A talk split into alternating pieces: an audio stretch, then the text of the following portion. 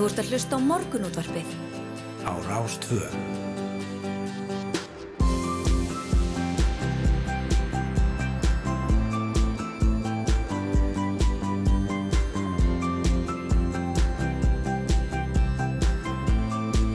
Morgunútvarpið Á Rástvö. Jú, góðan og blessaðan daginn, morgunúttarpið tekur hér af stað uh, þriðudaginn 3. mæ. Hér setja Snæra Sundardóttir og Hulda Gerstóttir og við ætlum að vera með ykkur til klukka nýju. Jú, jú, ímislegt á dagskrá hjá okkur eins og alla daga. Látum það nú ekkit breytast en uh, við ætlum uh, meðal annars að ræða lofslagsdægin sem er í dag og þá munu helstu sérfræðingar þjóðarinnar í lofslagsmálum koma saman á viðburði hörpu og reyna að útskýra stöðu Íslands í lofslagsmálum í dag og þetta eru auðvitað stóru málun okkar allra og við ætlum að fá þær til okkar Sigrun og Ágústóttur fórstjóra umhverfistofnunar og Elfur Rakel Jónsdóttur sviðstjóra á sviði lofslags og ringrásarhagkerfis til að spjalla um þetta mál málana og kannski reyna að útskýra fyrir okkur hver staðan er.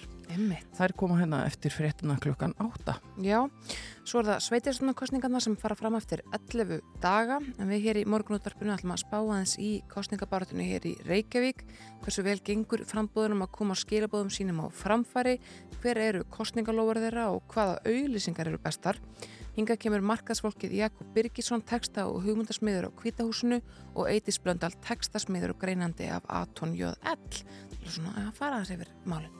Já, svo hérna eftir svona kortir yfir sjö eða svo ætlum við að fá til okkar hana önnuláru Steindal verkefnistjóri hjá Þróskahjálp en landsamtökin Þróskahjálp hafa undanfarið unnið að spennandi verkefni á sviði síndaveruleika og það er markmiðið að þjálfa fólk með þróskahömlun í aðtöfnum til sjálfstæðara lífs. Og nú stendur sem sagt til að bjóða upp á opið hús í síndaveruleika þar sem er hægt að æfa sig að kjósa. Og hún ætlar að segja okkur meira frá þessu áhugaverða verkefni. Einmitt. En hannunumars hefst á morgun og stendur fram yfir helgi.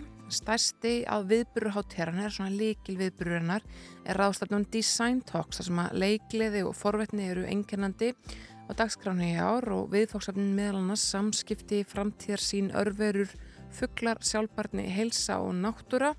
Það getur bókstala allt átt heima undir reglífi hönnarinnar.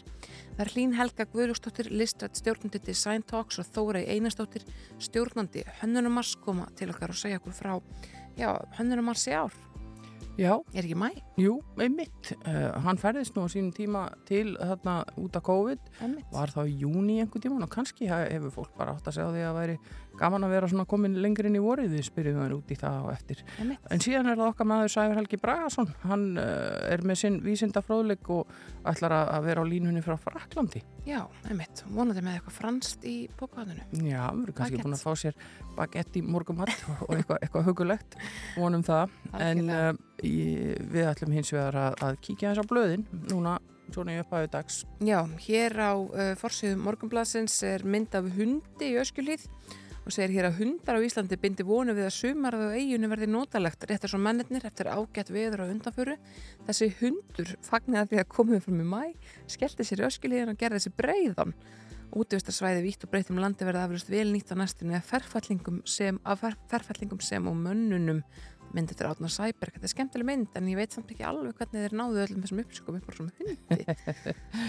en það er ekki eins skemmtileg mynd á fórsíðu fréttablaðsins. Nei, það er nú bara uh, helber sóðaskapur í gangi. Þar er uh, mynd af uh, fatagámi svona fatasöfnunagámi í lögarnes hverfi og þar er bara pókar sem hafa verið skildir eftir út um allt í kringum gámin, þetta er bara út á miðri götu og inn í miðju það. og föt bara flæðandi hér um allt og, og það er talað hérna við uh, Ingi Björg og Erlu Björnsdóttur sem er íbúið þarna á svæðinu. Og hún segir þetta er, ég hef aldrei séð þetta svona slæmt og það sé oft slæmt, þetta er mest þegar það er gott viður, þá er einhvern veginn allir að taka til hjá sér. Og þetta er viðvarandi pláa og við höfum auðvitað séð þetta við fleiri grendargáma í, í, í borginni og ekki bara fatasöfnunargámana heldur ímislegt annað og ég skil ekki hvað er svona flókið. Ef þetta er fullt þá bara setur þetta ekki að það þá bara ferðu með þetta á endurvinnslustöð eða kemur aftur setna. einmitt, nákvæmlega. Þetta er söðaskapur. Uh, hér að fórsýðu morgunblassins er uh, rætti Pál Vingel, forstjóra fangilsismálastofnunar, en það hafa aldrei fleiri verið í samfélagsþjónustu nú en áður. Það er að segja að það eru 250 til 280 manns í samfélagsþjónustu hverju sinni. segir hann.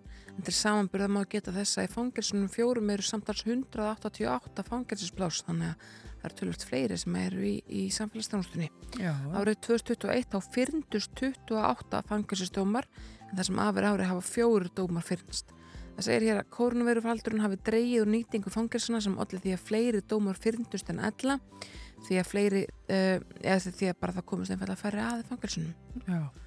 Nú á fórsíðu fréttablassi segir að fjármálaráðunitið fylgdi ekki eigin reglum og hér er verið að tala um að bankasíslan fylgdi reglum fjármálaráðunitið sem um ofinbér innkaup í tengslu við Söluríkisins á Íslandsbanka en ráðunitið sjálft gerði það ekki heldur riði til sín ráðgjafa án útbóðs, segir hérna.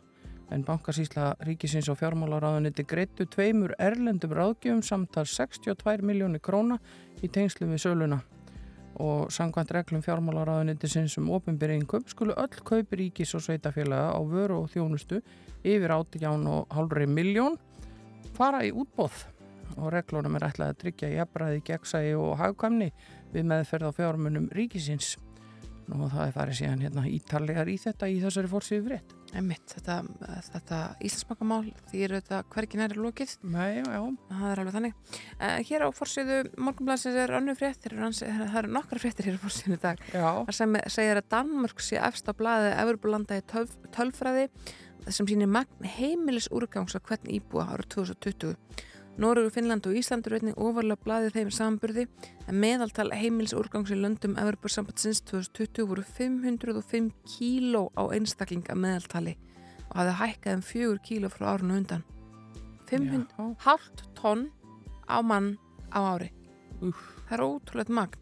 Já. Hér á landi var magn heimils úrgangs að hvern íbúa árið 2020 um 596 kíló á meðaltali og dróst magna nokkuð saman frá árunu áður. Wow. Sko það sem ég ekki átta mig í þessu, þessari litlu stuttu frétt er hvort að uh, þetta sé þessi óflokkaði úrgangur eða hvort að flokkað efni fara þarna með. með. Því að þegar ég var í Danmarku síðasta sumar þá voru þeim með tunnur fyrir allt fyrir utan. Já. Það var þetta flokka allt sorpið þannig að maður var nánast ekki með neitt sko. Nei, en það er, er náttúrulega í einhvern sveitafélugum orðið þannig að það fara að flokka mjög mikið en, en, uh, og stendur til að breyta hér á höfuborgarsvæðinu, það er búið að vera fjallum það hérna undarfarið, en uh, á síðu tvö í fréttablaðinu er talað við uh, norska tónlistamannin Rolf Löfland sem að hvaðist að var ánaðar með lyktir lagastuldarmálsins varðandi lögin Söknuð og You Raise Me Up í bandaríkjónum en hæstir eftir hafnaði nýlega Óski Jóhanns Helgasonar um að frávísun málsins á fyrir dómstegum yrði feld úr gildi og upprunalega dómstólnum í Los Angeles gert að taka málið til eiginlegar málsmeðferðar eða efnismeðferðar. Og uh, í tilkynningur sem senda á hrettablaðinu er haft eftir löfland að málið hafi tekið mjög á hann, það hafi staðið í nær fjögur ár og verið afar tauga trekkjandi. Þetta hefur verið mikið krefjandi fyrir mig, bæði faglega og persónlega og uh, hann segir hérna ég ránaði með að þetta hefur verið útkljáð á hæsta plan í tónlistarlega og lagalega og ég getur nú haldið áfram á þess að hafa þetta hangandi yfir mér. Já, þetta er forðanlegt. Já, þetta er erfið mál þessi lagastuldarmál, þú veist, hvenar finnum maður upp hjólið og hvenar ekki. Já. Það en... er einhvern veginn búið að semja næstu því allt og alls konar hlutir hafa samt áhrif á mann þannig að þetta er mjög, mjög flókið. Já, en mann hefur fundist einhvern veginn sem maður heyrði You Raise Me Up, þá var maður einhvern veginn algjörlega vissum það hvaða lag færi þarna væri þarna undir sko. Jú, jú, en svo voru ég sem sögðu ég farið þá einu skrifi lengra og hlusta á Danny Boy. Þannig að þú veist, það er alls konar fléttur í þessu en, en uh, búið að vera uh, strangt og, og erfitt fyrir báða aðila. Þetta hefur verið, verið mikið átak og þetta uh, líka bara verðingavert að fólk uh, vergi höfundarétt sinn ef það telur á sér brotið. Já, sjálfsög, sjálfsög en, en áhugavert mál að fylgjast með en, en nú er því lokið að minnstakosti þarna á þessum slóðum og þessu stíi Emitt, við þurfum að fara að skipta yfir á frettastofuna og heyra af atbyrjum næturinnar morgunsins og kannski gerkvöldsins og komum svo að heyra vörmu spóri með allt, allt og ekkert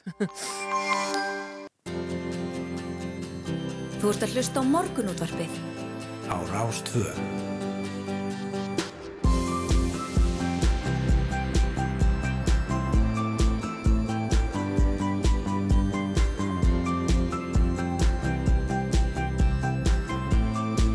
Morgunútvarpið Á Rástfö. Við bjóðum góðan dag hér á Rás 2. Það er morgun útarpið heilsara venju á þessum tíma. Klukkan orðin þrjár myndur yfir sjö og hér eru mættar Hulda Gerstóttir og Snærós Sindradóttir. Og ætlum að vera með ykkur til klukkan nýju. Emmitt, það verður eitt og annað bóðstólum í dag. Sævar Helgi verður á sínum stað, reyndar er hann í Fraklandi, ætlar að vera á línunni hjá okkur. Já, Það, hún leiðist það nú ekki, hann er svona lífsnautna maður. Já, hann er það. Gott að borða og, og smaka gott vín og, og svona njóta svona fínu hlutana í lífinu, sko. Algjörlega, það er alveg rétt. Þannig að hann verður ábygglega sérlega vel stendur þegar við heyrum í honum. Já, kannski getur hann að tala um uh, vísindinu bak við góða bagett. Til dæmis, en það eru líka náttúrulega, hann getur nú örglætt ekki heilan þátt um vísindir hann baka í vingjert. Já, nákvæmlega, ja. nákvæmlega. Við ætlum líka aðeins að fjalla um hönnunamars, við ætlum að ræða loftslagsdægin sem er í dag og svo ætlum við að fara yfir, já, kostningabaráttuna eins og hún er í eh, Reykjavík, hvernig svona, hver er líta best út, hvaða auðlýsingar er að koma best út, hvaða lofvort komast í gegn og svo framvegs. Já, já, og svo ætlum við að forveitnast um áhugavert verkefni á sviði síndaveruleika, þar sem að vera að þjálfa fólk með þroskahömlum í aðtöfnum til sjálfstæðara lífs. Emmitt. Og uh, förum í það hérna fljótlega, já, bara svona kortir yfir eh, sjö eða svo. Emmitt. En um, Við ættum eftir að kíkja eitthvað á veðrið, ætlum við að gera það á eftir eða hvernig við hafa þetta? Gerum þetta núna, ég var að fá myndhölda frá Akureyri. E, og hvað? Og hvað? það er sko hvít, allt hvít. Ég er bara, hún tekið núna bara fyrir, fyrir fimm mindur síðan svo ég er að horfa hérna okkur opaslega fallegt greinitri og, og útihúska og það er allt á þeim. Það sem, var ekkert endilega að sjá það í hugleggingum viðfræðing sem að komu 20 mindur í sjö í morgun. Þar segir mm. Þetta gangi dál til lægð austru yfir landið, henni fylgja austan og norðvestan kaldi eða strekkingur en heldur kvassara sé vinstrengum norðvestan til á landinu. Það verði úrkomum alland, reikning á sunnaverðu landinu en norðurlands verði allvið að slitta eða snjókoma, jújú jú, þeir myndir svo sem á þetta. Já. Norrlegra vindur í kvöld og stittur upp á suðvestur landi. Þetta er algjör rekkópudagur, það er bara þannig bara upp með lopapeysunar og, og hérna, slappskóna. Það er bara sömarfötinu verið að býða í augna blik og það er líka mynd á þjónustu síma vegagerðarinnar en á vefsíðu þeirra 1777, nú náttúrulega margi komnir á sömadekkin og kannski ágætt að tekka á stöðunni á þeirrin fólk vera stað og það kemur líka fram að það er hálka á holtavörðu heiði og bröttubrekku. Á bröttubrekku er eitthvað um hálkubletti það er krabi á vatnaleið, fróðárheiði og milli Ólasvíkur og Stikilshóns síðan er snjóþekja á Haldán og Mikladal en hálka á Kleifaheiði fyrir vestan. Og það er ennverið að þrýfa göngin, Bólungavíku göngin og fólk beða að fara að valega þar. Svo er hálka fyrir norðan og Öksnadalsheiði og Þverarfjalli, snjóþekja á Vaskarði og eitthvað um hálkubletti og það búið að opna híðinsfjörðagöngin aftur. Síðan er snjóþekja á Mývatsöraðum og Möðrudalsöraðum og hálkaða hálkublettir á flestum leiðum. Það sama á við á Östurlandi, þar er hálkaða hálkublettir en snjóþekja í Fáskrúsfyrði, hreindir víða á ferð og, og þarf að hafa það í huga og uh, svo er hérna smá tilkynning varandi hálendið á meðan að frosterar fara úr jörður og hálendis veir viðkvæmir og bera ekki umferð og uh, fólk ætti að kynna sér það ef það er einhverjum slíkum pælingum. Hvaða ruggl er þetta? Ah, nú þurfum við, við, við þurfum, nú þurfum við bara að halla okkur upp að einhverjum og fara í lag sem að læta okkur líða vel. Það þarf fólk eins og þig fyrir fólk eins og mig Frá bláa landsböðum. Að myrstu sjávarstrand Frá veðþektum stöðum út í ókannuð land. Þar fólk eins og þér fyrir fólk eins og mér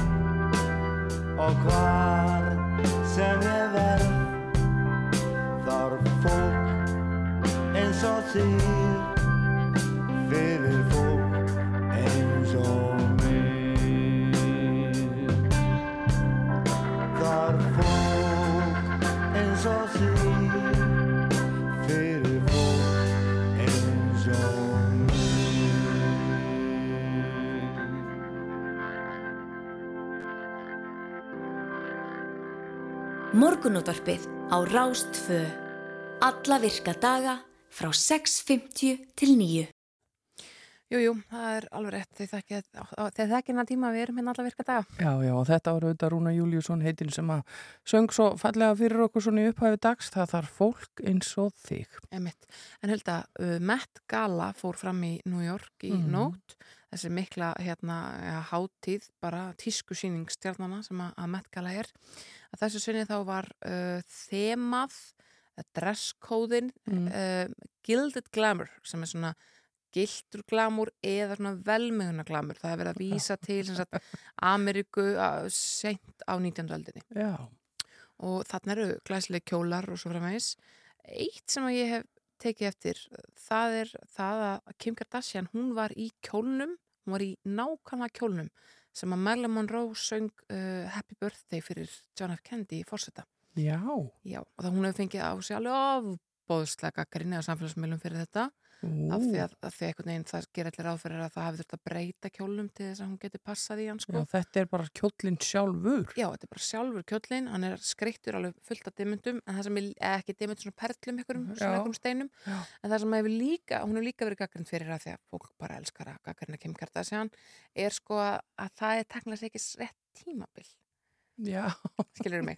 Hún, þetta hérna, er f- flókið maður, það er flókið að vera stjarnar ykkur starf tröppum að mega. Marilyn Monroe er hérna eitthvað í kringum kúpudelina og allt þetta á því tímabili, en, en Gildit Glamour er raun og veru 50-60 ára máður. Já, já, þannig að þetta var ekki alveg, hitt ekki alveg í mark hjá henni náttúrulega hægt að sjá þetta allt saman á vefnum. Ég fór einmitt þarna í þetta sapn um daginn þegar ég var í New York Já, Metsen. Já, opbóðslega gaman að koma þarna og geta séð á einu bretti bara alla stóru meistarana Já. bara í, að lappi gegnum eitt hús og séð bara Picasso og, og, og, og hérna Van Gogh og, og alla þessar stærstu Mm. er bara geggjuð upplifun mæli með því ef fólk er að færa það Algjörlega. í New York Það eru mjög margir flotti kjólar hérna sem er að sjá til dæmis á BBC en ég myndi segja að Glenn Close hafi tekið ár. Ég ætla að fara að skoða þetta. Já. þegar það háturinn er búinn. Við erum að halda okkur efni hérna. því að næst uh, hér rétt á eftir kemur hún til okkur og Nanna Lára Steindal verkefnistjóri á Þroska hjálp allar að segja okkur frá áhugaverðu verkefni sem þau eru að vinna með í síndarveruleika og mér er vináttan greinleika hugleikin því að beint eftir Rúna Júl förum við yfir í Lloyd Cole and the Commotions sem að syngja um glænian vin eða Brand New Friend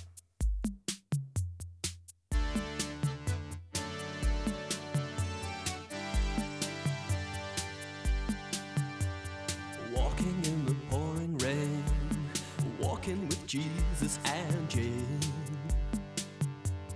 Jane was in a turtleneck, I was much happier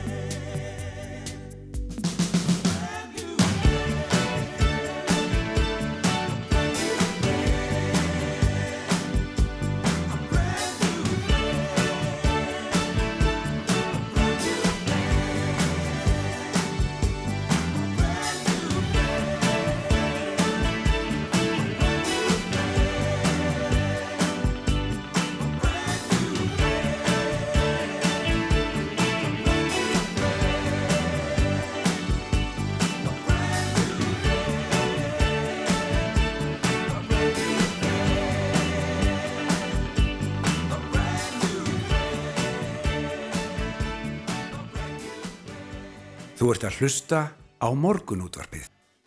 Vissulega erum við að hlusta á morgunútvarpið og í dag ætlum við að heyra af áhugaverðu verkefni sem að landsamtökinn Þróskahjálp hafa undarfærið unnið að. Og þetta er verkefni á sviði síndarveruleika og markmiðið er að hjálpa og þjálfa fólk með þróskahömlun í aðtöfnum til sjálfstæðara lífs. Og nú er meðal annars verið að bjóða upp á opið hús þar sem er hægt að æfa sig að kjósa Hún ætlar að segja okkur meira á þessu, hún Anna Laura Steindal sem er verkefnastjóri á Þróskahjálp og er komin hérna til okkar, velkomin. Takk fyrir. Eh, segð okkur aðeins betur frá þessu, þarna bara útbúið í síndarveruleika eitthvað umhverfi fyrir fólk að æfa sig? Já, um, það má kannski segja sko að undirbúningur fyrir kostningaverkefnin okkar núna hafi hafið stægin fyrir alþingiskostningarna síðastliði haust. Já. En þá hérna fengum við leifi til að fara inn í eina kjördildina í Reykjavík í Ráðhúsinu þegar var búið að stilla öllu upp, þannig að þetta er bara eins og, eins og kjördildin lítur út og, og taka upp síndarveruleika. Mm. Það sem að við eiginlega svona lekum kostningarnar Já. og hérna það er bara farið í gegnum öll skrefin, bara frá því þú mætir á kjörstað, hvernig þú finnur kjördildina þína, um, þú veist bara hvaða gögnum þú þarfst að framvísa og fyllt inn í kjörklefan og náttúrulega bara þú veist hvað þú þarfst að, hérna, og hvernig þú kýst, sko, hvað, hvað þarf að varast þess að Eh, seðlinn verður ekki ógildur og Mm. svo kemur út og setur hann í kjörkassan og öll þessi skref sem sagt eru eh, í þessum síndarveruleika Já. og svo höfum við líka útbúið svona, svona hvað maður kalla þetta, lítinn bækling á auðlesnu máli þar sem að eru allar svona helstu upplýsingarnar um, um kostningar. Já.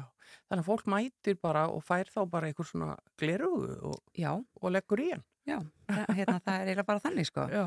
Um, það er endur hægt að bóka sér tíma, það eru hérna, komast tveir í einu, við erum með tvenn gleruga minnstakosti, mögulega munum við fjölga þeim ef þess þarf. Mm og það er hérna, við höfum satt verið í samstarfi við sérfræðing í síndaveruleika sem heitir Pjótr Lói og Pjótr er bara hérna með glerugun og hérna setur þau á, á nefið á fólki og svo bara fer það í gegnum kostningar Mm.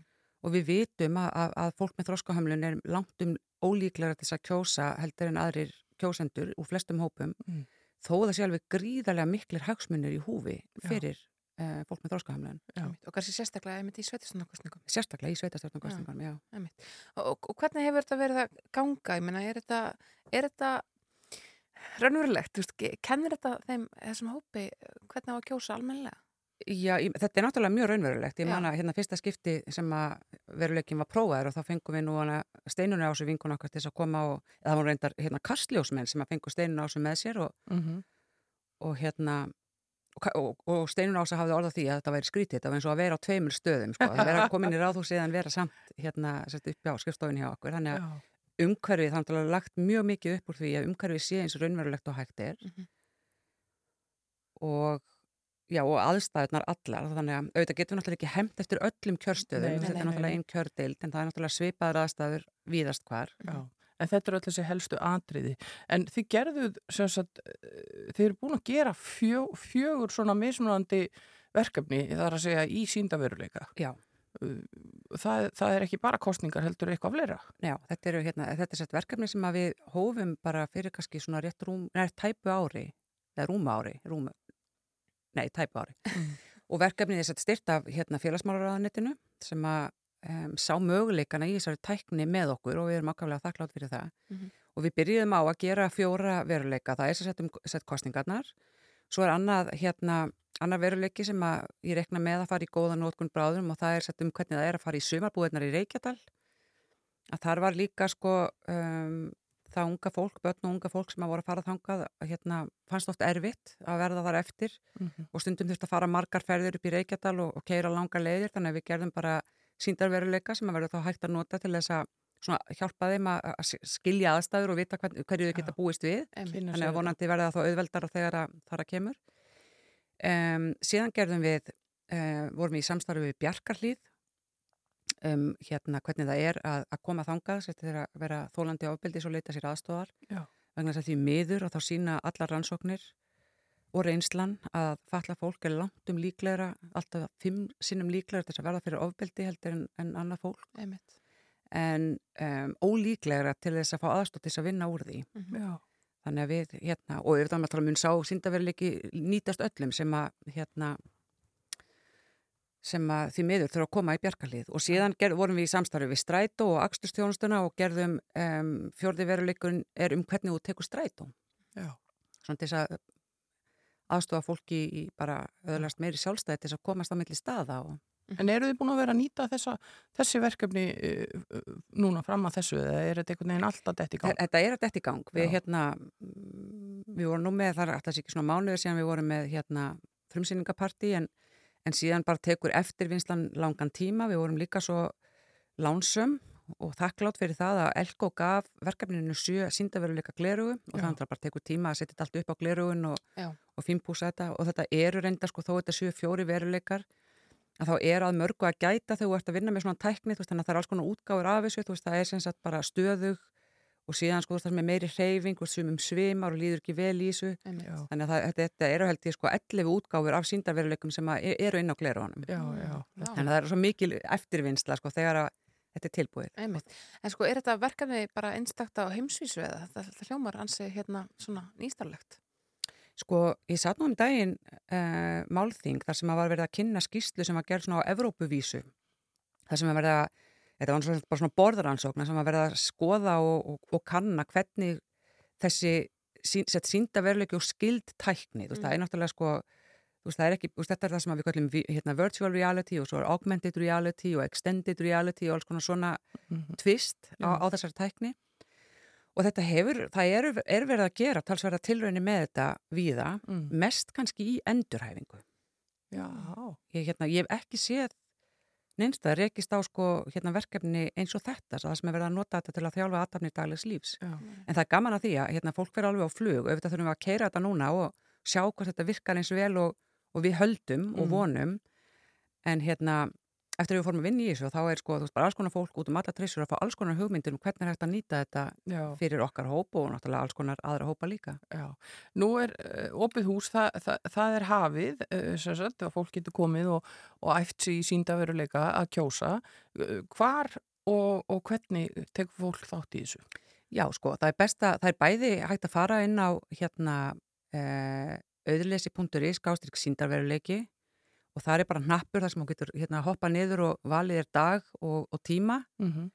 og það er best að skrá sig þar. Það er líka búið að búa til hérna viðburði fyrir alla dagana á Facebook sem hefur verið bara auglist halsvert grimt Já, af þroskahjálp. já, Þannig að það, það, og það má líka ringja bara skrifstofu þroskahjálpar eða senda mér tölupost Já. annalára.þroskahjálp.is já. Og kannski kjörið að gera þetta núna svona tíu dögum fyrir kostningar, þannig að- að það sé, það sé komið svona vel inn í kerfið. Já, já.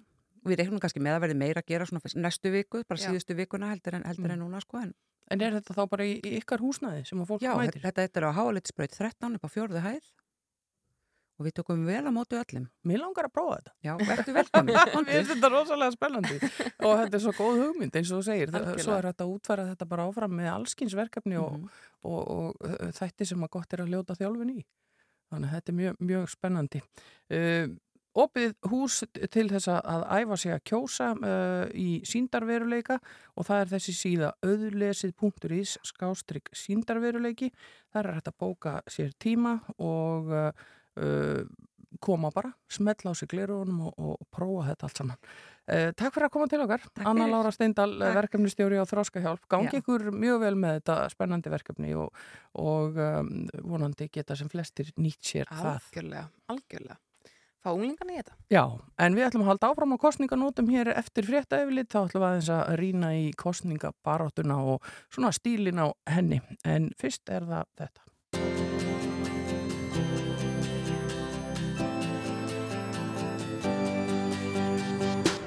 Þú ert að hlusta á morgunútvarpið á Rástvö. Jú, áframhaldum við hér í morgunúttarpinu, uh, fretta yfirlda baki og við ætlum að fara að rýna í uh, kostningabaráttuna hér í Reykjavík eftir skamastund með markasfólkinu Jakobi Birgisinni og Eidisi Blöndal. Já, það er ekki nema 11 dagar í sveitartjónakostingar. Nei. Mér finnst einhvern veginn svona ró yfir þessu. Þetta er ekki mikill hasar. Nei, ber ekki mikið á þessu, Nei. uh, samt eru við hér að fjalla um þetta nánast daglega, en mann finnst samt ekki bera mikið á þessu. Það er eitthvað skrítið. Já, það er eitthvað skrítið við þetta. Það er ekki mikið lætið. Mér skilst að það verði til dæmis ekki kappræður í sjónvarpi fyrir en daginn fyrir kostningar. Já. Uh, og það hefur mikil áhrif. Það er hans sem margi sem að Jú, jú, margir sem að bara taka að sína loka ákvörðun eftir að hafa fyllt með kaffriðunum. Uh, þannig að það er verða hérna, það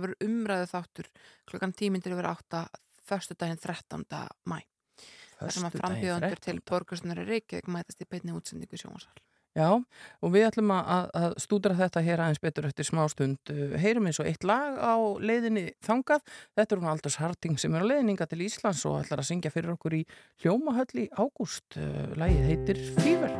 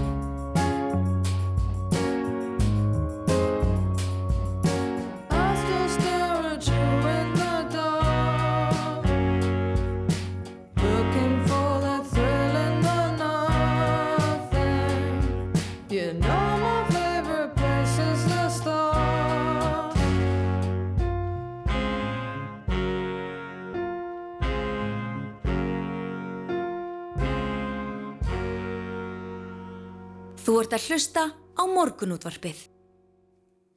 Jú, jú, þú ert að hlusta á morgunútvarpið. Við ætlum að fara aðeins yfir já, sveitarstofnar kostningarnar hér í borginni, borgarstofnar hvernig það er að líta út, hvernig það er að hljóma. Uh, svona, já, að ætlum að ræða hérna við spekingarna Jakob Birgisson og Eitis í Blöndal en núna Eitis situr hér einn hjá okkur og það er bara feiki nóg. Bæði stúdíónu, okkur Jakob. Nei, nákvæmlega, það var ekki þetta, nákvæmlega, þetta, þessi bæri var ekki náður stór fyrir ykkur bæði. Um, sko, þú ert að vinna sem textasmiður og greinindi hjá Atonjóð L Akkurat. og ég gerir ráð fyrir því að þið séu með uh, eitthvað frambóð á ykkar snærum Mm. en við ætlum að vera svolítið á hlutleysu nóturum. Jú, maður gætir hlutleysis. Er það ekki? Jú, ég, reyn, ég reynir mitt besta. Algjörlega. Við vorum að ræða hérna áðan áður en þú komst að, að okkur fannst þetta svolítið svona litlaust. Mm Mhm. svona, það er ekki mikil hasar í gangi og maður verður Nei. ekki mikið var við þessa kostingabaratu. Ég er alveg sammála því og það sem að, þeim bara tala bara við fólk, þú veist, bara hérna á förnum vegi eða á kaffistofinni eða hvað sem það er, þá finnst mér þetta að vera tónnin í ár, þessum kostingum, setjumstakostingum, svona, Mhm. já, byrjuður, kostningur þetta tvær vikur, bara, hvað, maður var alltaf heyrt af þessu og hérna, og ég held að það sé aldrei bara rétt og af hverju það er náttúrulega margt sem velta fyrir sér, þú veist, það er náttúrulega margt í fréttum, heimsfréttunum um, sem tekur náttúrulega mikla aðtegli og, og landspolítikinni. já, og landspolítikinu sem er Mm, leiðis, en það er svona aðteglin er svona dálítið dreifð núna hjá landsfólki og um, já, það er kannski dálítið svona aðal ástæðan myndi ég halda En sko, maður myndi ætla að frambóðan var ekkert að verja minni fjárhæðum í kostningabartur Nei. núna heldur en ella. Það er þetta mikið undir og Einmitt. þetta kjörtímbil hefur verið þetta hefur verið hita kjörtímbil í Mhm. borginni til dæmis og svona bara nefnum það það hefur verið, en núna til dæmis lítur út fyrir það að meirlutin haldi að það er búið að sína það að tvær eða þrjár uh, kannanir röð. Einmitt, einmitt og það er áhugavert og hérna einmitt, þannig að maður spyr sér sko hvort að einmitt hasarinn hafi bara verið dálítið svona eins og hann vill oft vera í borgarstjórninu svona stormir vaskalli eða svona þú veist. Emitt, uh, en maður veit það ekki og kannski er þú veist þessi einmitt þögli meiri hluti mm bara alltaf ríkjandi mm. hefur verið þetta kjörðlumbil, maður veit það ekki já. Ég tók eftir því ég var á, á ferðinni um borgina í gær og svona að horfa Mhm. upp í loftið á auðlýsingaskiltin. Þetta þetta er ekki mjög svona afgerandi slagur, það er ekki rétt. málefnin í forgrunni, þetta er svona eitthvað Mhm. samfylkingin að sjálfsögðu og Mhm. hérna framsókn Mhm. eitthvað er ekki komin tíma á breytingar í borginni Og það það var einhvern veginn það er engin að hamra á einhverju ákveðnum máli Þetta er bara rétt og núna ætla ég textasmiður og þetta er svona daldil hugmyndin þegar maður skrifa svona slagord. Er, er ég að fara að tala um eitthvað svona huglegt, tilfinningalegt eða er ég að fara að tala um eitthvað objektiv, hérna rökrétt eða segja, þú veist, við ætlum að Mm eitthvað, bæta leikskóla eða hvað sem að væri. Um, og þetta er rosa mikið, einmitt, daldil svona er í slagord núna í ár. loftkend bara Já, loftkend, einmitt, og segja ekki endilega nákvæmlega hvað býr á bakvið og maður þetta alltaf að lesa í línurnar sem bara einhver sem hefur fylgst með fréttum þegar samfélkingin segir þetta þá svona get ég fyllt í eðurnar hvað ætli sé að segja og þegar sjálfstæðsflokkurinn segir svo hérna Reykjavík sem virkar þá veit ég hvað þau eru að meina Mm. en þau eru ekki að segja það beint út. Af hverju er þetta? Það er bara góð spurning, mögulega því að fólk, þú veist, nú er ég bara með ágiskannir hvort að stjórnmálaflokkarnir sé ekki tilbúinir til þess að taka skýr afstöðu, Já. hvort þau vilja hafa þetta alltaf í loftinu og vilja að fólk tólki þetta eftir eigin höfði uh, sem er það sem mjög grunnar, þú veist og eins og maður tekur eftir, það er mörg svona mjög, mörg mál í borginni núna sem er að skilja fólki í tvær fylkingar Mhm. og svo kemur einhver flokkur og ætlar að reyna saman að þetta sem er ekki hægt Mhm. af því að þetta er bara tvær ólíkar sjón, skoðanir og sjónamið og vilja þess að segja eitthvað sem er loftkendara til þess að báðir hóparnir geta Já, samsvara sig halda öllum góðum, er Já, Já. Þessi gaggrinni hefur kannski sérstaklega beinst að frambóðið framsunarflokksins, held að sé ótt Mhm. að segja það að þar sé lítið um málefni og það er ekki alveg ljóst sko að þau segja er ekki komið tíma á breytingar í borginu en Mhm. svo verðast þau vilja borgarlínu og vilja flugutni burt og svo framvegs sem hverjar eru þessar breytingar sem þau eru að tala um Já, einmitt.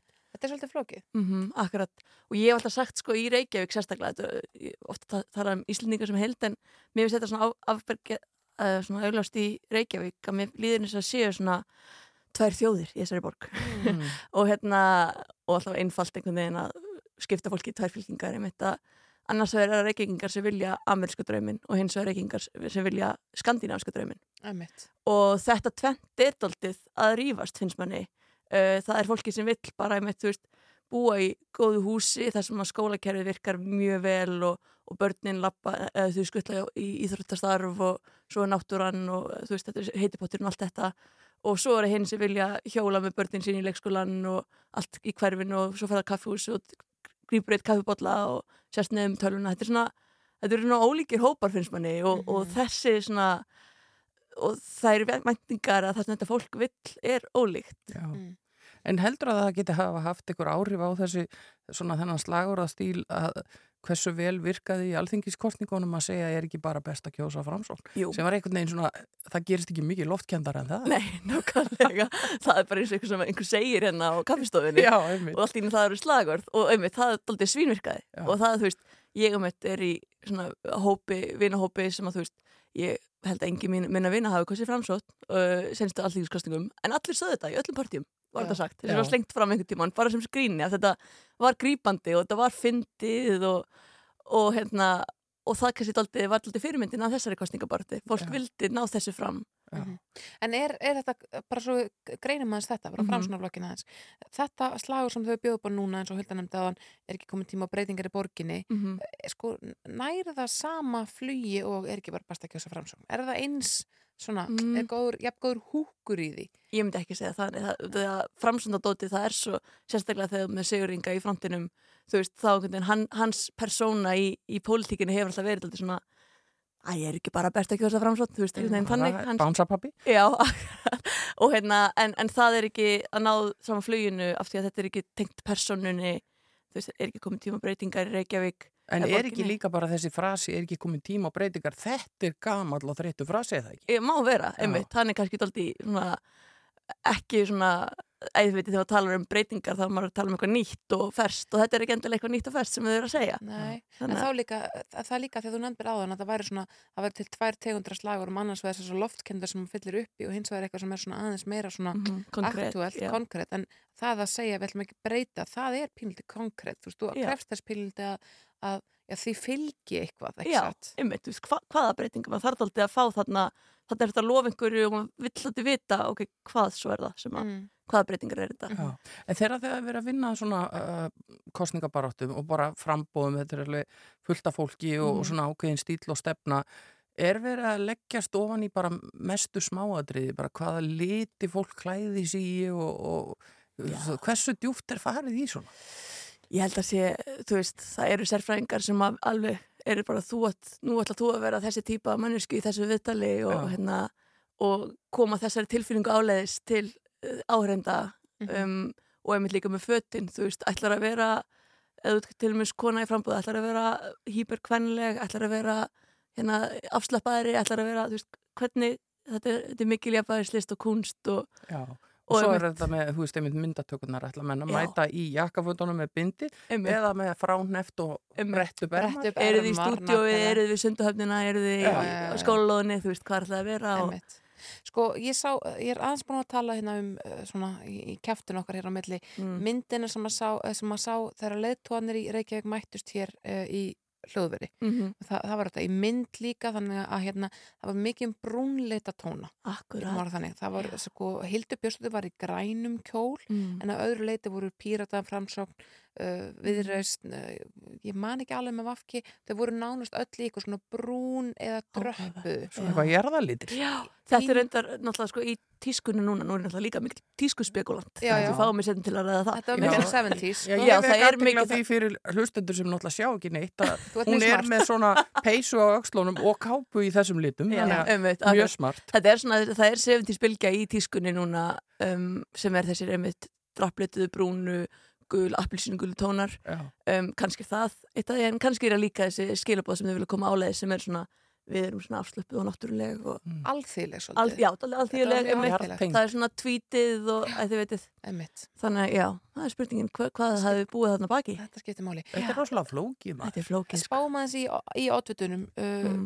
í þessum stærstu flokkum, annars vegar samfélningunni og hins vegar í uh, sjálfstæðsflokknum. einmitt, Uh, Hildur Björnsdóttir, hún er kannski í pínlítið svona strempin stöðu innan síns flokks mm og vann þetta uh, prófkjör en, en þau sem á eftir henni koma er ekkit endilega gangið takt við hana. -hmm. Hvernig finnst þér hún einhvern veginn koma fyrir í sér baráttu og, og hennar svona einhvern veginn, já, er, nær hún að skína? Þetta er einn góð spurning, hún er einmitt frábær kandidat finnst manni til þess að ná mörgum hún nær til stórs hóps myndi ég halda. Já. þú veist, hún er ekkert endilega skýrt hún er, finnst hún bæði verið sér skandinavíski draumur og ameríski draumur á sama tíma. Um, og, og já, einmitt. Og svo einmitt hvort að flokkurinn sem fylgir henni sést nú samfærandi í takt við hana, einmitt eins og það segir. Þau eru mjög ólíkenni og hennar, hennar áherslur eru ekki endilega þeirra. Um, Þetta er svolítið oddvita músík samt er það ekki? Já, einmitt og við erum alltaf með einmitt oddvita frambóð núna, þú veist, við erum með dag, við erum með hildi sem eru svona einmitt tveir stærsti flokkarnir sem eru að mælast núna og þau, þessi frambóð eru auðvitað að keira á oddvitunum sínum Já. og einmitt hildur er svona, hún er góður kostur á móti degi uh, af því að hún einhvern veginn, þú veist, hún, hún getur svona tekið á hann með þú veist, það er alveg, Já. þau eru sambarileg Mhm. svona einhvern veginn í svona persónu, þá er ég bara að tala um svona Nákvæmlega. ásýndina og upplifun fólks af þeim. Mhm. Þannig að já, þetta, er, þetta verður áhugavert að sjá hvernig næstu vikur verða varandi þetta. En hvort þeirra hefur kannski sérstaklega svona alþjóðlegt yfirbráð? Þau eru bæði svolítið, maður sér svolítið svona Já. að þau búi í húsi en ekki í íbúð, er það ekki? Jú, Hvernig sér maður í það? húsi en ekki? í er þetta er, alveg góða punktur. Jú, þau eru mitt hvorug einhvern veginn svona, Það er ekkert sérstaklega mikill skít undir nö- nöglunum þeirra. nei, akkurat, nú horf ég á nekluna mín. Já, mín eru alveg reynar. Ég vinn í útarpi. Já, þetta er einmitt góð pæling og hérna einmitt það, hvort það vanti einhverja svona verkalýðs uh, tón í þeirra frambóð Mm. bara virkilega góð punktur. Sanna Madalena fyrir Mhm. sósælistaflokkin uh, hefur henni tekist að halda svona í þessar svona verkalýs sósælista áru á kjörtimbilinu? Mm, já, klálega, mjög, mjög samkvæm sér í öllu sem hún gerir og hérna og hún f- fer aldrei út af sínum fókuspunkti sem er náttúrulega þessi já, bara verka fólk og fólki sem að hérna, býður lægri endan í borginni Mhm. og ég myndi líka frábær slagur þeirra Sanna Reykjavík þú veist, mér finnst það mjög, eða hún er með eitthvað hashtag hana sem ég teki eftir uh, mér finnst það geggjað sko og hérna Sanna Reykjavík, já, það Já. er þetta sniðut. Það er svona Já. nafnum. orðaleikur, ég er mikið, mikið gaman að orðaleikum Einmitt. Nei, hérna, og já, þannig að það, mér finnst mjög mikið að sá tótt sér líka slegin í þessari kostningabartu þegar kemur að fátakara fólki í borginni Mhm. uh, sem býður virkilega minnilhauta bara í öllu einhvern veginn um, og einmitt, Maxi spyr sig þegar við erum eins og flokkins á samlinguna sem er vinstriflokkur, sástallaflokkur uh, hvort að þau setja alltaf að missa þennan tón þennan verkalýs uh, tón Mm. Og hvort að það sé bara ekki alltaf mikið að við höfum einhverja mannsku eins og sönnu sem að er alltaf að tala um þetta Já. Mhm. Þannig erum við svolítið búin að tala um fólk sem að hefur verið í borgarpolítikinni og Mhm. er að, að bjóða sér fram áfram. Eh, Síðan erum við með nýtt andlit eins og Einar Þorsteinsson. mm akkurat hann er alltaf nýtt og gammalt landlit Já. þegar hann hefur verið í öllum kostningabartum senst ár uh, og það er ógæslega áhört að sjá núna einstakling sem hefur alltaf verið að spyrja spurningana og, og, og hérna na, nú verður þú að leiða hinum að tala hérna, Já, verið já, fríðhætturki Já, að setja núna hinum með einn borðsins og, og það er náttúrulega allt annað og, ma, og það, það er áhugavert já. að sjá hann í því hlutverki Hef, f- finnst hann hafa breyst síðan hann- hann stegi inn, í- þetta hlutverk?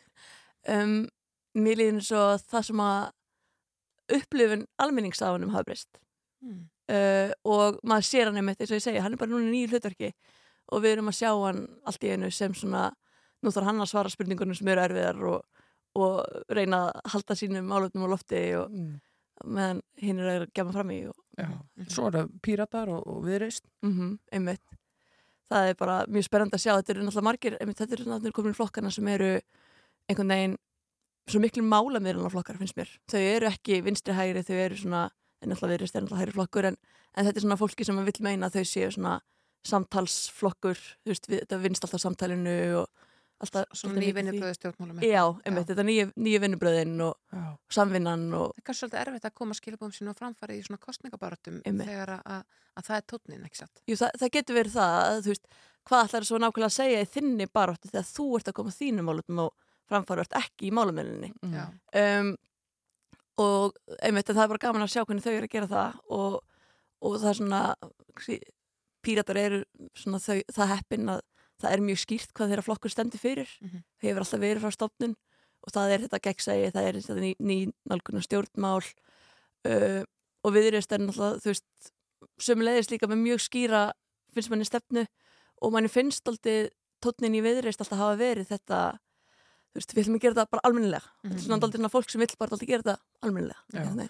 Nú eru 11 dagar í þetta. Mhm. Á þessum tíma, rúmri viku, er í alvöru hægt að breyta skoðunum fólks eða hafa það mikil áhrif að að þú getur bara gert, bara fengi fullt að fylgja á þessum lokametrum. það er með þetta er svona kannski tímandir sem að allt þetta svona dörti gerist í kostningabartunum af því að eina leiðin til þess að breyta einhverju eða svona í stóra fulleringar en kannski þegar stutt í kostningar þá er besta leiðin til þess að breyta um, skoðanakörnunum og fylgi er náttúrulega bara með að koma fram einhver skandal uh, að, að gera sér eitthvað ræðilegt hérna fyrir þennan oddvita og þá hrinni fylgið einhvert annað. Eru þá allir að grafa bara núna? staðar og- Maður veit það ekki, maður veit það ekki. það er einhver staður fólk að vinna hörðum höndum. Algjörlega, það verður spennandi að sjá hvernig næstu uh, 11 dagar fara. Eitis Blöndal, takk kærlega fyrir komuna í morgunúttarpið. Við ætlum að skipta yfir á stjórnina. Já, við ætlum að heyra hér í, í Siggu og stjórninni, þetta lag heitir Allt sem ég þrái, Sigga auðvitað með sína stóru flottu tónleika núna um helgina. Ah, og uh, svo eftir áttafréttinnar þá koma til okkar fórstjóri, ungaristofnunar og sviðstjóri á sviði lofslags og ringráðsarhagkjöfuris, því við ætlum að ræða lofslagsdægin.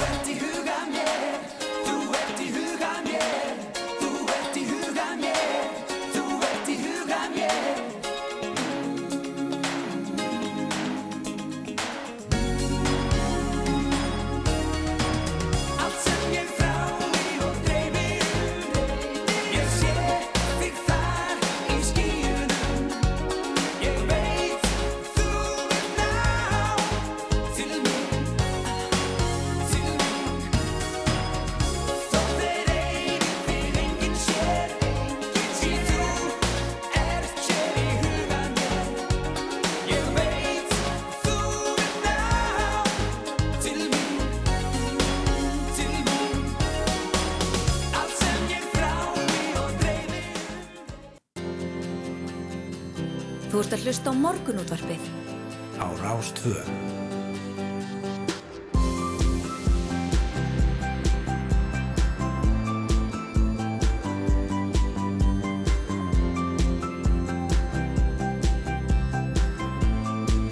Morgunútvarpið. Á Rástvö Jú, við ætlum áfram hér í morgunútvarpinu. Snæra Sindardóttir og Hulda Gerstóttir við verðum með ykkur til hlukan nýju Jú, jú, við ætlum að ræða hér uh, lofslagsmálin, stóra málið okkar allra, hérna rétt á eftir. Sigrun Ágústóttir Fórstjóri umhverfistofnunar og Elva Rakel Jónsdóttir Sviðstjóri á sviði lofslags og ringrásar hagkerfis er að koma sér fyrir hjá okkur. Við ætlum að ræða lofslagsdægin sem er í dag og stór viðburður sem því tengist. En uh, fyrst ætlum að bregða okkur í þryggja tíma brúðkaup með Jóa Pjó Króla og svo sund.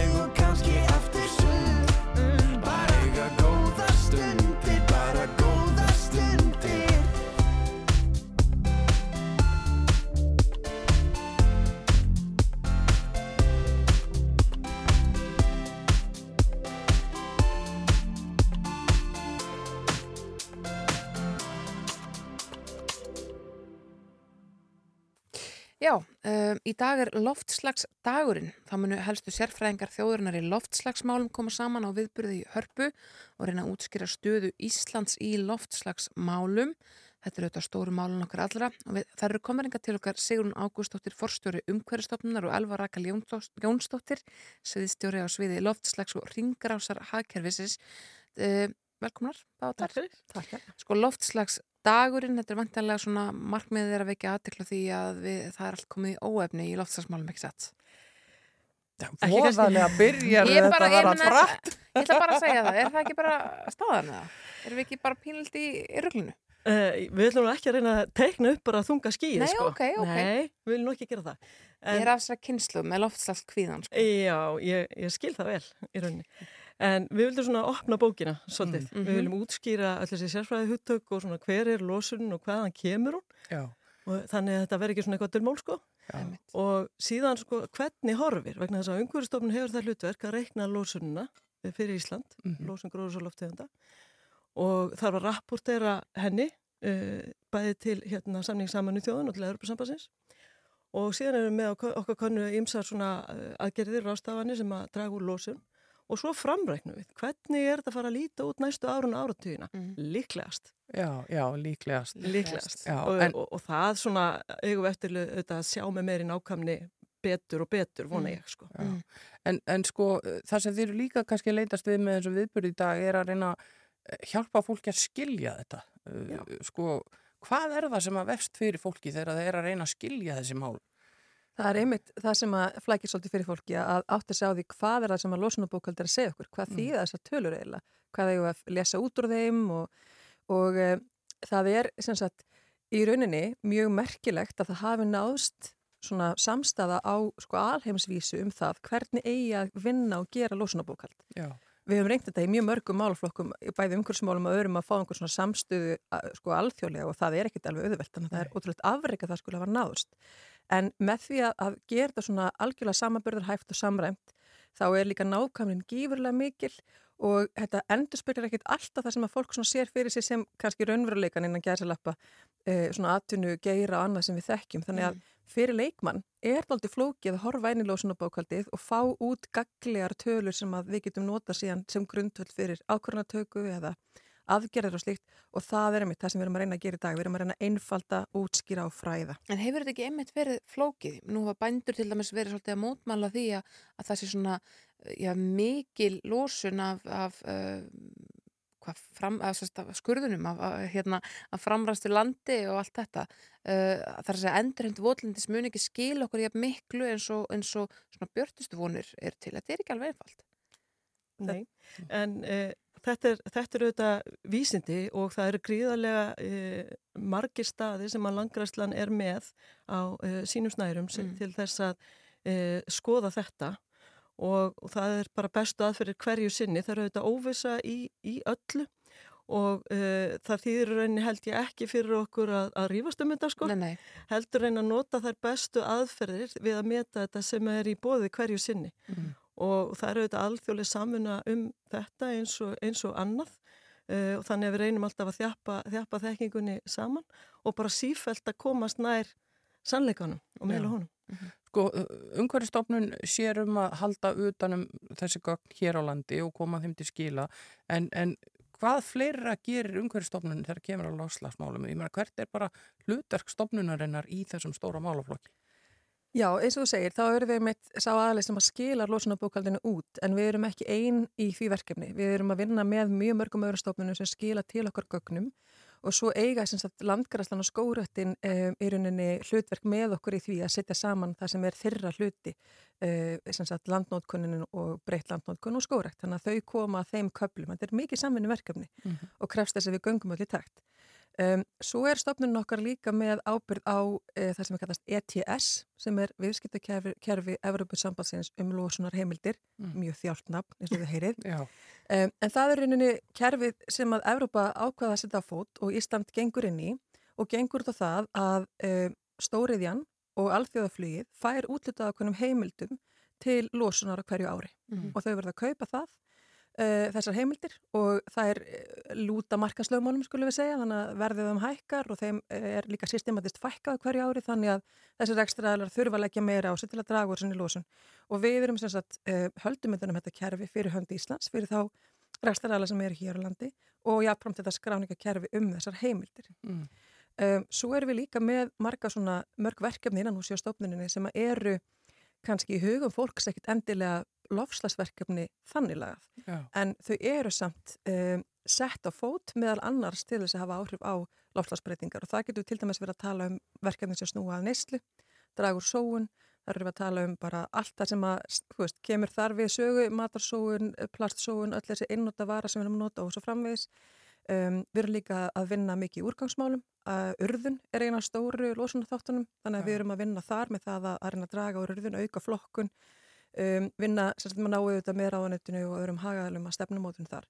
Og svo kemur þetta líka inn á bara mjög marga aðra þætti hjá okkur eins og fráveituna, uh, Seira sem að kemur á fráveitinu, hún er, er losunarþáttur.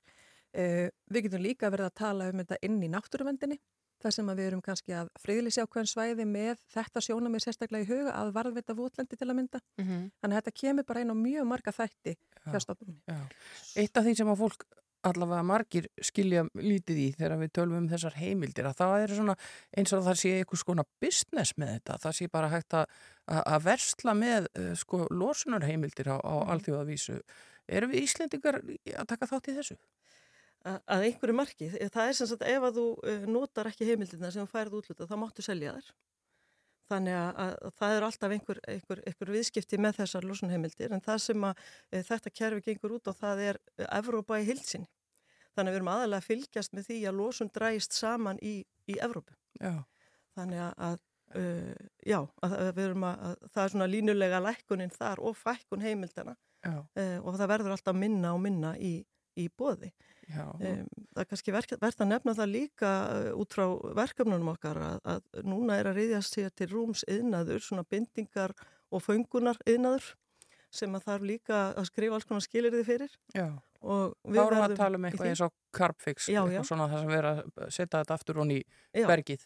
Það, og það er nýsköpun náttúrulega í því og það er nýsköpun sem að, uh, er líkillin svolítið að lausnunum. Mhm. Við erum auðvitað með uh, augun mest á því að það veri dreigið úr losun, svona upptökin, Já. en það þarf líka að, að vinna í hinnu. Það er algjörlega klárt, Mhm. föngun, bindingu og, og allt mögulegt sem bara fólki dettur í hug. Já, það er rauninni allt sem skiptir máli. Sko. Sko við höfum einmitt séð svolítið mikið af þessari grænu nýsköpun og, og sjóðum sem að styrkja sérstaklega nýsköpun á grænum verkefnum.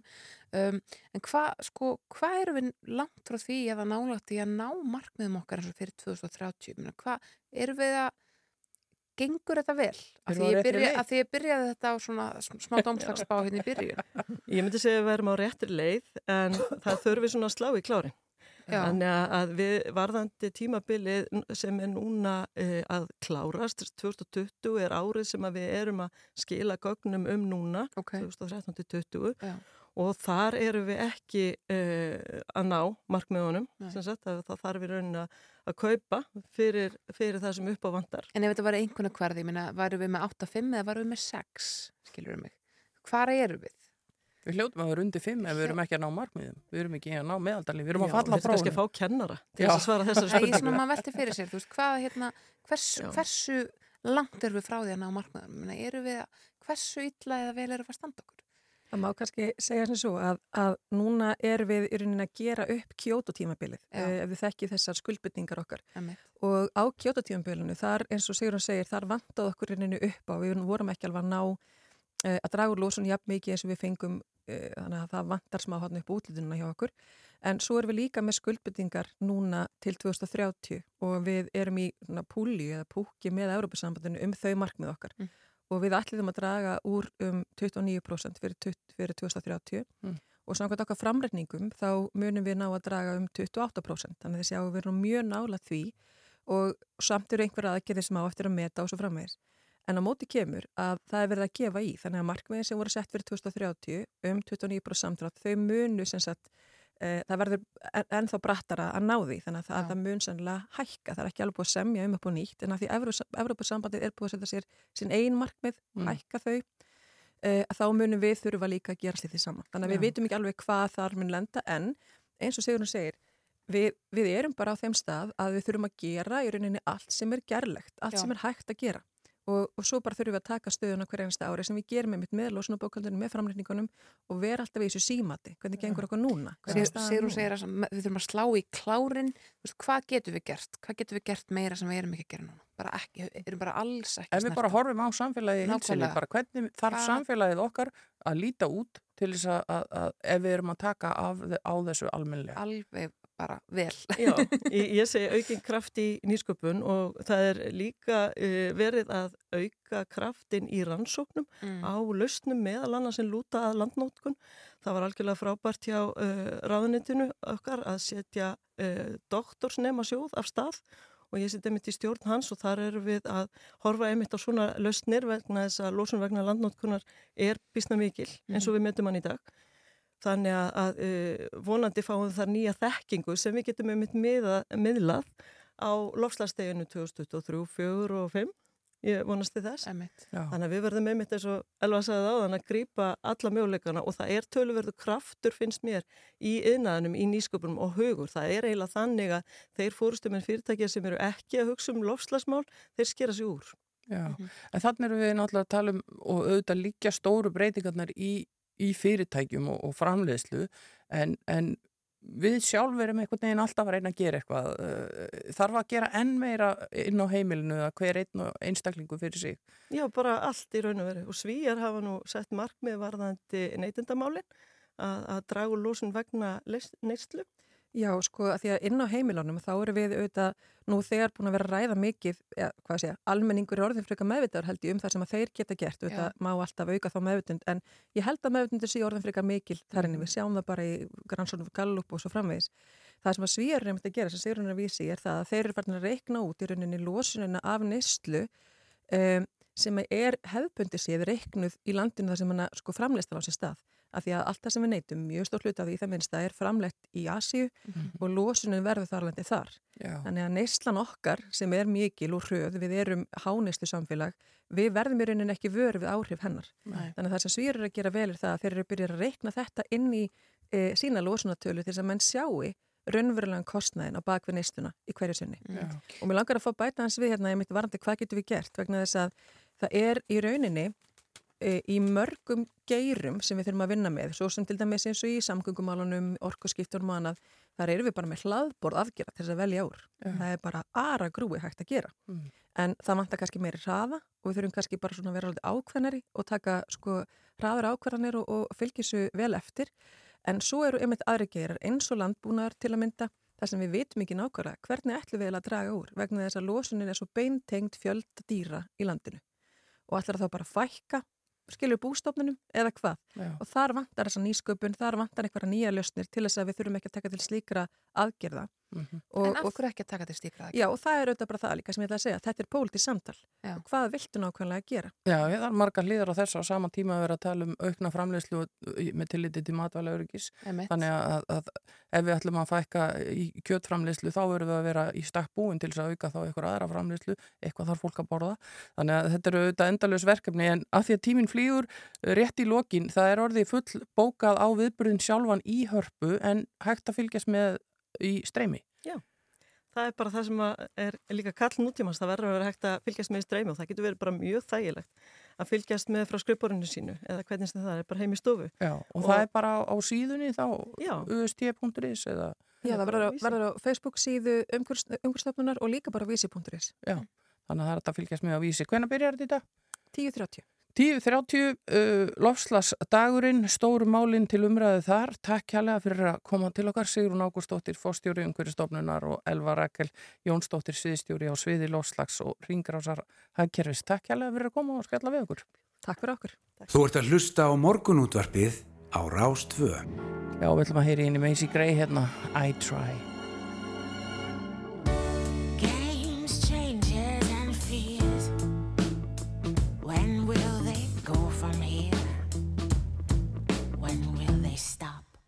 I believe that fate has brought us here, and we should be together, babe.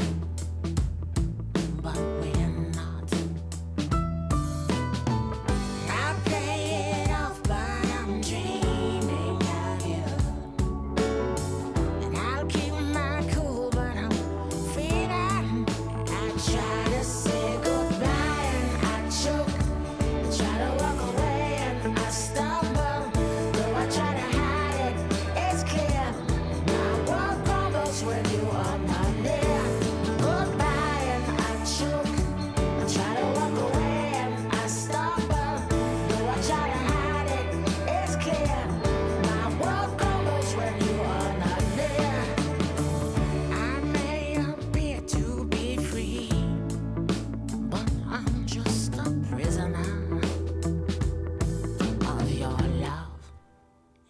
may seem alright and smile when you leave, but my smiles are just a front, just a front.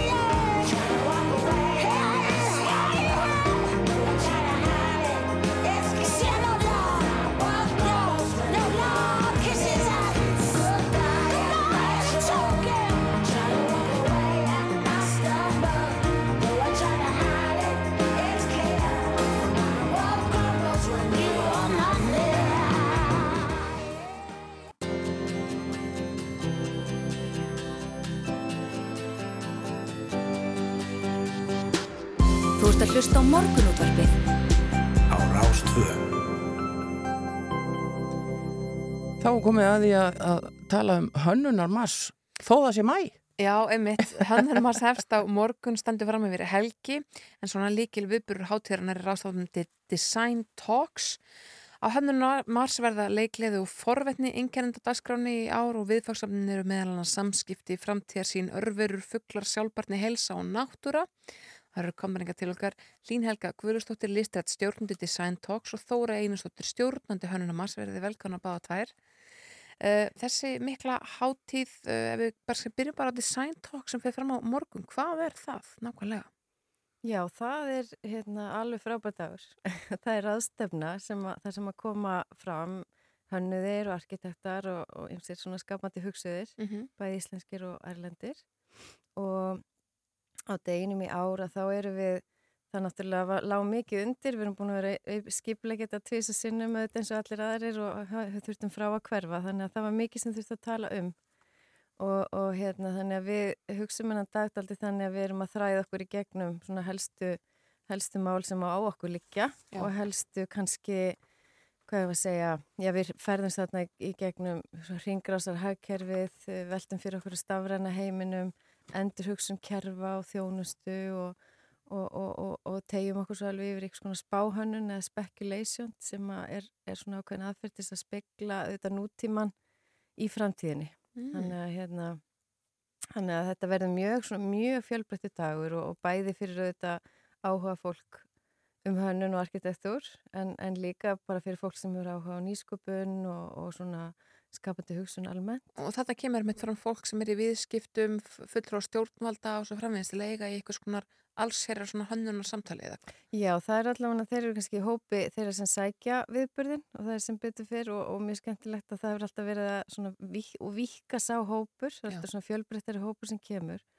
og þetta verður, einmitt, þetta verður svona ákveð stefnumót og, og svona einsýn kannski í hvernig hönnuður geta verið að hafa, því við vitum auðvitað hönnun snertir við öllu, allt er hannað, allt í hennu manngerða umhverju kringum okkur er hannað líka hluti af vandamálunum sem við stöndum fram með fyrir í dag. Þannig að núna þurfum við svolítið að hrista upp í, í, í hérna, verkvarakistunum okkar og, og erum svolítið svona að sína það hvernig hönnur geta komið að málum þvert á greinar inn í, inn í alls konar þverfarleg samtöl og með sín svona sína aðferðafræði til þess að takast á við já, loflasmál og mannréttindi og, og, og hérna Við já, vorum einmitt að kveðja hérna á fórstjóra umhverfistofnunar sem saði nákvæmlega þetta Já. þegar við sögum hvað þarf að gera í stóru loslasmálunum og þá fór hún beint í nýsköpunina Já. og hönnunina og hugmyndavinnuna.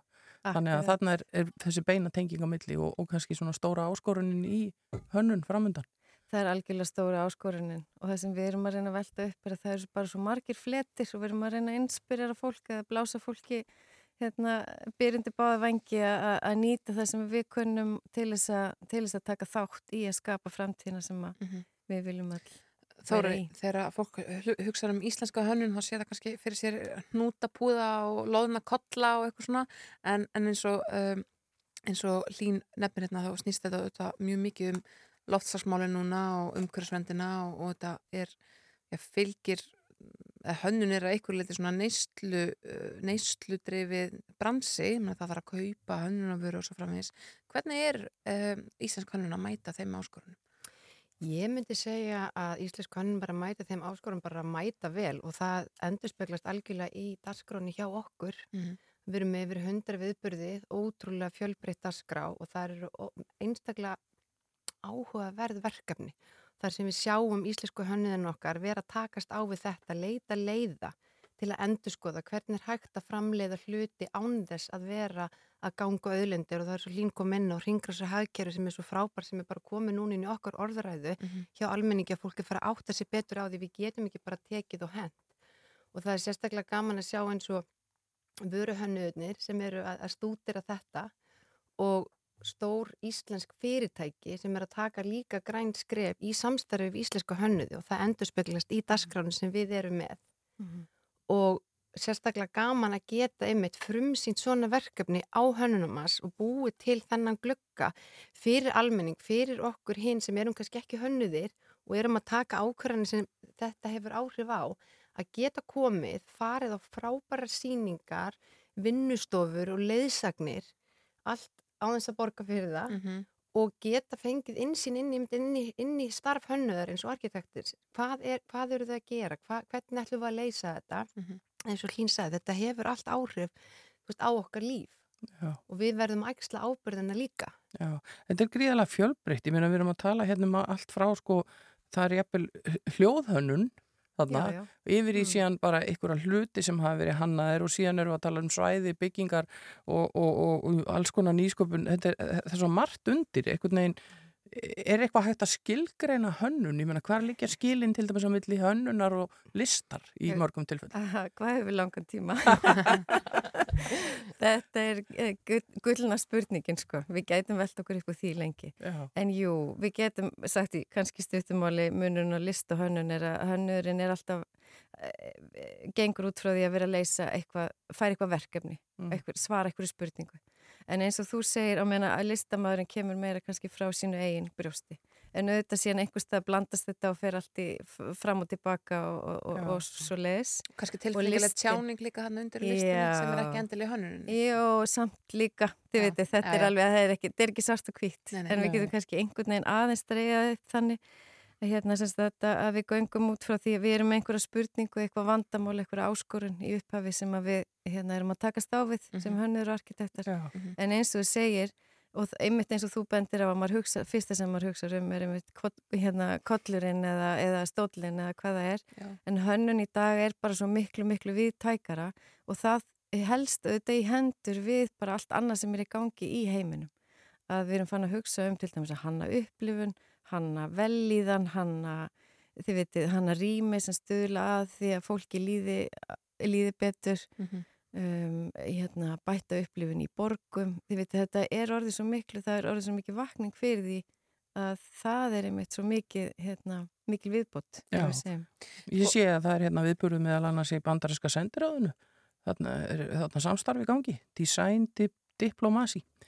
Og, og þannig að, að, að það er leitað leita víða, víða Mhm. fanga. Mhm. Sko á þess að við byggjum ykkur um að gera upp á milli barnan ykkar, hvað er svona það sem að stendur upp úr á ykkar mati á rástefninu Design Talks? Já, á ráðstefnunni. Já. Sko. Hvað er mest spennandi erindið? og- Nei, það sem er mest spennandi er heildin. Já. Það sem er mest spennandi er að sjá vefnaðin einhvern veginn yfir daginn, hvað fólk er að koma úr ótrúlega ólíkum áttum, við erum með fólk, sko, hvaðan efa ár heiminum að segja, hérna, af, af fjölbreyttum hérna, þjóðarnum og alls konar bakgrunnur og, og það er einhvern veginn skemmtilegt, skemmtilegast og allra merkilegast að sjá hvernig þetta fléttast allt saman í eina heildranna frásögn yfir daginn þar sem við erum að segja frá því hvernig við getum stuðlað að því að búa til betri heim. Mm. Og þetta er engin, engin smá dagskrá. Það er yfir 100 síningar, 400 þáttakandur og 200 viðburðir.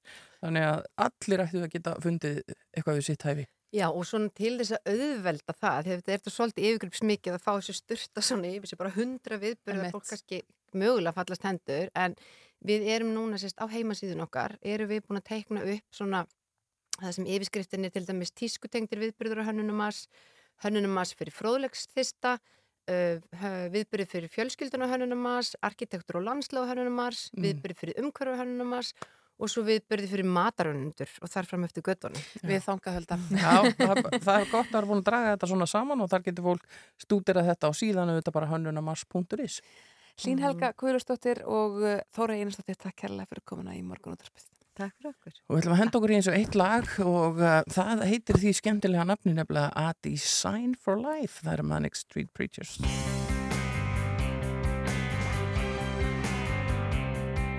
Life was give us power.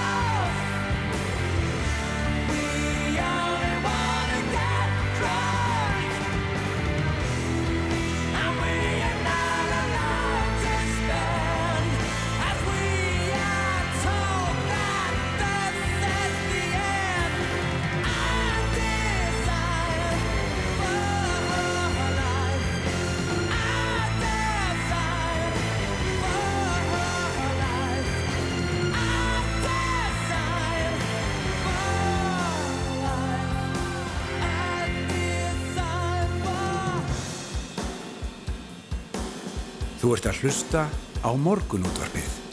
Á Rás 2.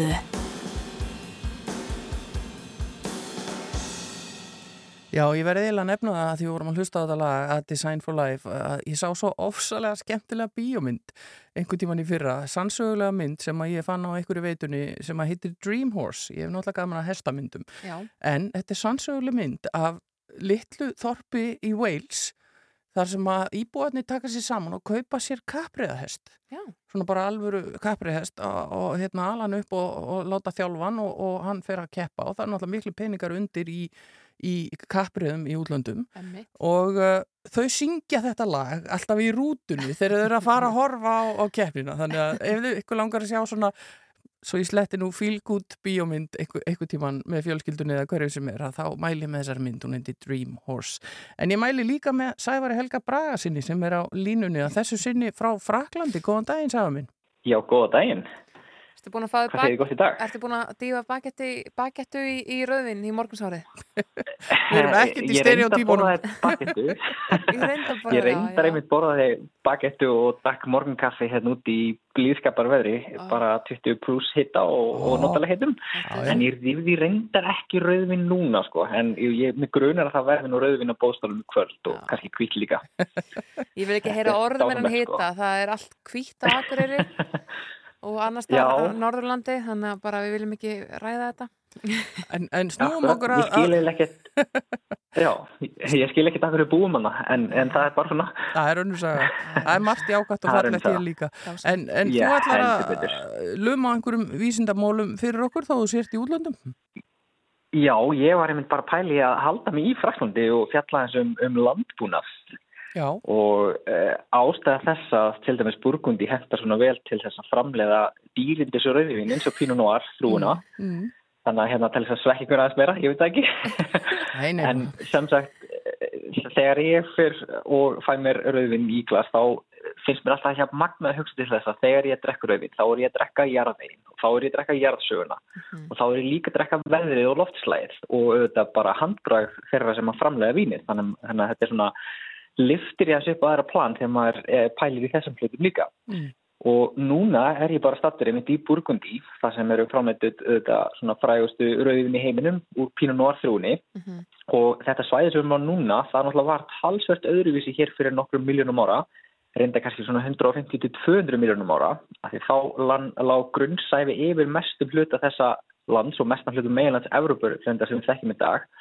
Og svo þegar þetta haf þornaði upp í kjölfar bæði viðfarsbreytinga en sömulegist bara uh, flikarhefinga að þá þotnaði þetta hafið upp og skildi eftir sig kalkmyndandi lífurur, þar að segja skelljarnar af þeim sem voru kalki og svo þjappast þetta saman og myndaði jarðveginn sem ræktaði á í dag og maður sér þetta nú út, út um alla hlýðar.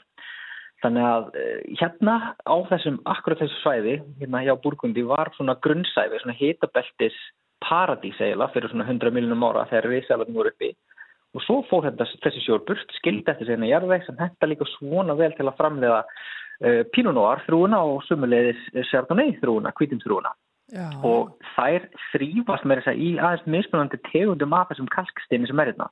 Þannig að Pinot Noir til dæmis vill helst vera í kalksteini sem er laus í sér, þannig að vatn siktli fremur öðlega í gegn og á meðan að Chardonnay þrúan þrýfst betur í svona leirkendur aðeins þjættari kalksteini. Þannig að og svo þegar maður bræður þessu vín þá finnum maður náttúrulega líka bræður munin hreinlega á, á, á þessum jarðvegi, maður svona leitar eftir því að svolsögðu. Og svo er ákveð svæði hérna sem er náttúrulega gullbrekkan, það sem eru frægustu framleiðinir í Burgundi, svo sem Róman í Konti, að þá ef maður skoðar þetta og horfir vel á svæðið og horfir vel á jarðveginn, þá sjást ótrúlega mikla breytingar á jarðveginum bara innan nokkur metra. Og þetta er allt saman vegna þess að það voru jarðskjörpurhefingar sem hafa lift jarðveginum upp og fært það langs til og svona alltaf vera regningar í hlýðunum sem að flytja jarðveg þaðan og neðar. Þannig að á freka litlu svæði getur maður fundið alveg ótrúlega mikið mun á bragðinu á víninu. Og þetta er kannski svolítið það sem fólk leitar eftir þegar það kaupir sér góðar flöskur af Pinot Noir eða Chardonnay eða einhverju slíku. Og frægast eða verðmætasta brekkan sem hefur að sögn besta jarðvegin og besta sólljósið og besta veðrið er það sem er framleitt hérna Romani Conti uh, vínið sem að margir kannski kannast við en fáur hafa smakkað vegna þess að flaskan þar kostur auðvitað bara halva miljón upp í meirinn miljón. Þannig að hérna, Er, er ekki með talað um er það að verð, að sko verðið á víni það fer svolítið eftir hversu hátt eða lágt vínið er í brekkunni? Rækta þar. Jú, til, jú, jú, líka og, og ég læra það með Daf Vínbónda sem ég spjallaði við í gæra þetta fer ekkert síður eftir bara fyrst og fremst jarðveginum og það er náttúrulega háð líka því hvar í hlýðinni þetta er. Þannig að þegar við- fáum svona Grand Cru vín sem eru við fínustu að þá er þau náttúrulega framleitt í öll í besta jarðveginum sem nýtir bestu sólarinnar og, og vonandi besta veðusins og það hækkar verði eins og auðvitað líka hversu fáar flöskur eru framleitar ég held að til dæmis að Rómani Conti séu framleitar eitthvað um 26.000 flöskur ári. Og það gerir það líka aðeins meira eftirsótt þannig að þetta þykir rosa fint og rosa gott. Ég reyndir ekki að vera svo heppin að smakka það ennþá en vonandi ekki tjónir framtíðinni. Já, veit ekki hvort ég kaupa það sjálfur sko. kannski hittur eitthvað annað sem er til í að bjóða þær í drikk og, og hérna, gefa þær eins og eitt glas. Yes. Ah, Ekki, það, ekki, ekki, það var ekki verra sko. en svo, svo líka svo áhugavert hvað hérna, loftslægu veðri skipti miklu máli. Og líka bara framleyslega aðferðnar og ég lærði það líka að gera að spjalla við výrbóðandi hérna það erum sífælt fleiri farnir að snúa fara því að nota tilbúin ábyrð skortireitur og vélar í framleysluna og gera hana lífrætni þar að segja á umhverfisvætni leðinni þar að segja nota frekar hesta, nota alls ekki hérna, tilbúin manngerðan ábyrð heldur bara lífrænan. Og það er bara vegna þess að til þess að viðhalda gæðunum þá þurfa vínframleiðinir að passa rosalega vel upp á jarðveginn, hans í hreitn og hilbriður og þau eru bara að finna fyrir áhrifum loftlagsbreytinga núna sem lýsa bara sem mjög ábyrjandi breytingum. Í fyrsta lagi þá geta vínin orðið vín áfengisríkari þar sem herri áfengisprósendu og að það er því að herra hitasti gerir þrjúðna sigur meiri að því að sigurinn síðan náttúrulega breytt í alkohól við gerunarferðlið. En svo tölur líka um að veðri bara einfallega orðið óstöðura, það er ofta stormar, ofta þurskar, ofta hitabilgjur, nætufrost og hagljel og allt sem hefur svona áhrif á uppskerun og þau voru einmitt að upplifa það núna í byrjun apríl og hafa mikla ráðgjörð því að 2022 árgangurinn verði svona svolítið lítill og jafnvel mjög erfiður að, og þeir reynilega missi stóran hluti af, af uppskerinu sinni já, og í búrmundinu má ekki vögva uh, hérna plöndunar, það er náttúrulega verður að fá að stýra á rættuninni, það er náttúrulega rosalega stranga reglur sem gilda um framhersluðaferðnar sem er náttúrulega rosalega áhugavert líka sko. Já. Já. Af, af, af hverju má ekki vökva? Eh, Þetta er einhverjar gamla reglur sem að voru settar, ég þekki ekki söguna bak við það, en þau vilja að það með ekkert svindla í einu en einu og það ávist að vera til þess að viðhalda gæðum og, og upprunanum og einhver slíku ef ég, ég man þetta rétt. Og það er bara alveg afskaplega áhugavert að sjá horfa á alla þessa gullfallegu agra þar sem verið er að rekta þetta og hérna vinnuna sem er í kringum þetta og, og hérna Já. allir þessi glæsilegu hús sem á staði hann lengi lengi þannig að þetta er stórkuslegu staður sko Þannig að orðið svindla vöka blómið sín. Já, ég, ég segi það nú. Já, já. Halda, halda þeim gangandi. En það, þetta segir okkur það er unnveru bara að segja að, að, að það þurfa að vera allar réttar, aðstæður þurfa að vera réttar frá náttúruna hendi til þess að sé hægt að, að rekta uh, vínþrúr. Já, og þegar við erum að krukka í henni með því að til dæmis hérlega næringarefni úr jarðveginum reyna að auka uppgeruna, stekkana eða eitthvað þess að þar, Mm. þá erum við líka að dreifa næringarefnum og eru slíku yfir starra svæði og yfir fleiri plöttur sem dreifur líka næringargildinu og, og ég ætla að fá að hérna, skjóta einu inn sem ég las við rosa áhugaverða grein um mitt um breytingar á landbúnaði uh, og sem sýnir okkur hvernig ávöxtur og grænmiti hafa undanfarna áratíð orðið næringarsnauðari. Það er að segja, en ég held að minna af prótinum, kalki, fósfóri, járni, C-vitamini, riboflavin og öllum þessum næringarefnum sem við þurfum. Mm Minna uh, af næringu í þessum uh, matvælum núna í dag heldur að til þess nefn á 20. stöld og ástæðan eða rót vandans liggur víst í því hvernig landbúnar er stundar í dag þar sem við verðum að reyna að auka framlýsluna, uppskeruna á kostnajarðisins og til dæmis með aukinu nótkun á, á vöku auðvitað, ábyrjunótkun, uppskjöru aðfyrum sjálfum Já. og þetta er alltaf raska samspili plantna og sveppa í jarðveginum sem er að hjálpa eh, öllum þessum matvælum að hérna, draga í sín næringu Já. og þetta síðan leiðir yfir í kjötið líka því að nautgripi svín, og lömb böruðu þetta þá næringarsnöður að korn og grænmiti Já. Sem að hérna veldur því að kjöt myndi verið næringarsnöðara þannig að þetta helst allt í hendur Jú, jú, þetta eru margir mólar til að huga að. Takk fyrir að vera á línunni Sævar Helgi frá Fraklandi og við segjum bara hafa það gott og, og, og njóttu lífsins. Uh, verðum Já, í, sjáum við vonandi að hálfum mánuði liðnum og, og, og verðum í, í sambandi þá. Takk hjá fyrir spjallið. Já, ég segi bara sam- samt þig Já, bless, bless. Já. Það kom að- að lokum hjá okkur í dag, Hulda. Já, við ætlum að henda í bílana hérna rétt í lokin Don't Let Me Down, það er enginn sem að mun bregðast okkur snær og svo hulda þakka fyrir er vona ekki. allt saman inn á vefnum á þætti loknum og Þórður Helgi tekur við hér að loknum fréttum klukkan nýju. Takk fyrir okkur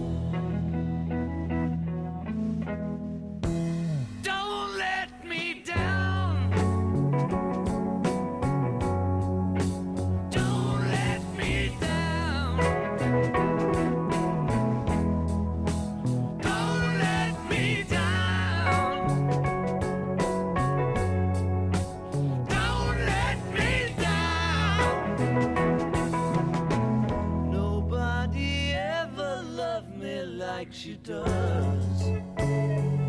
Ooh, she does. Yes, she does.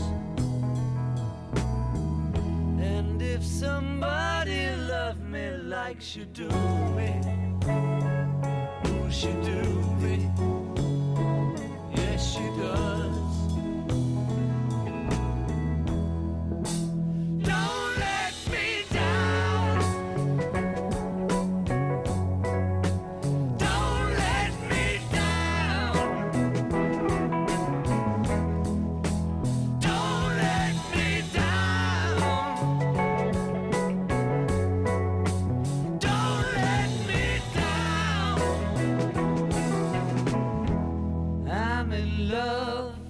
the first time.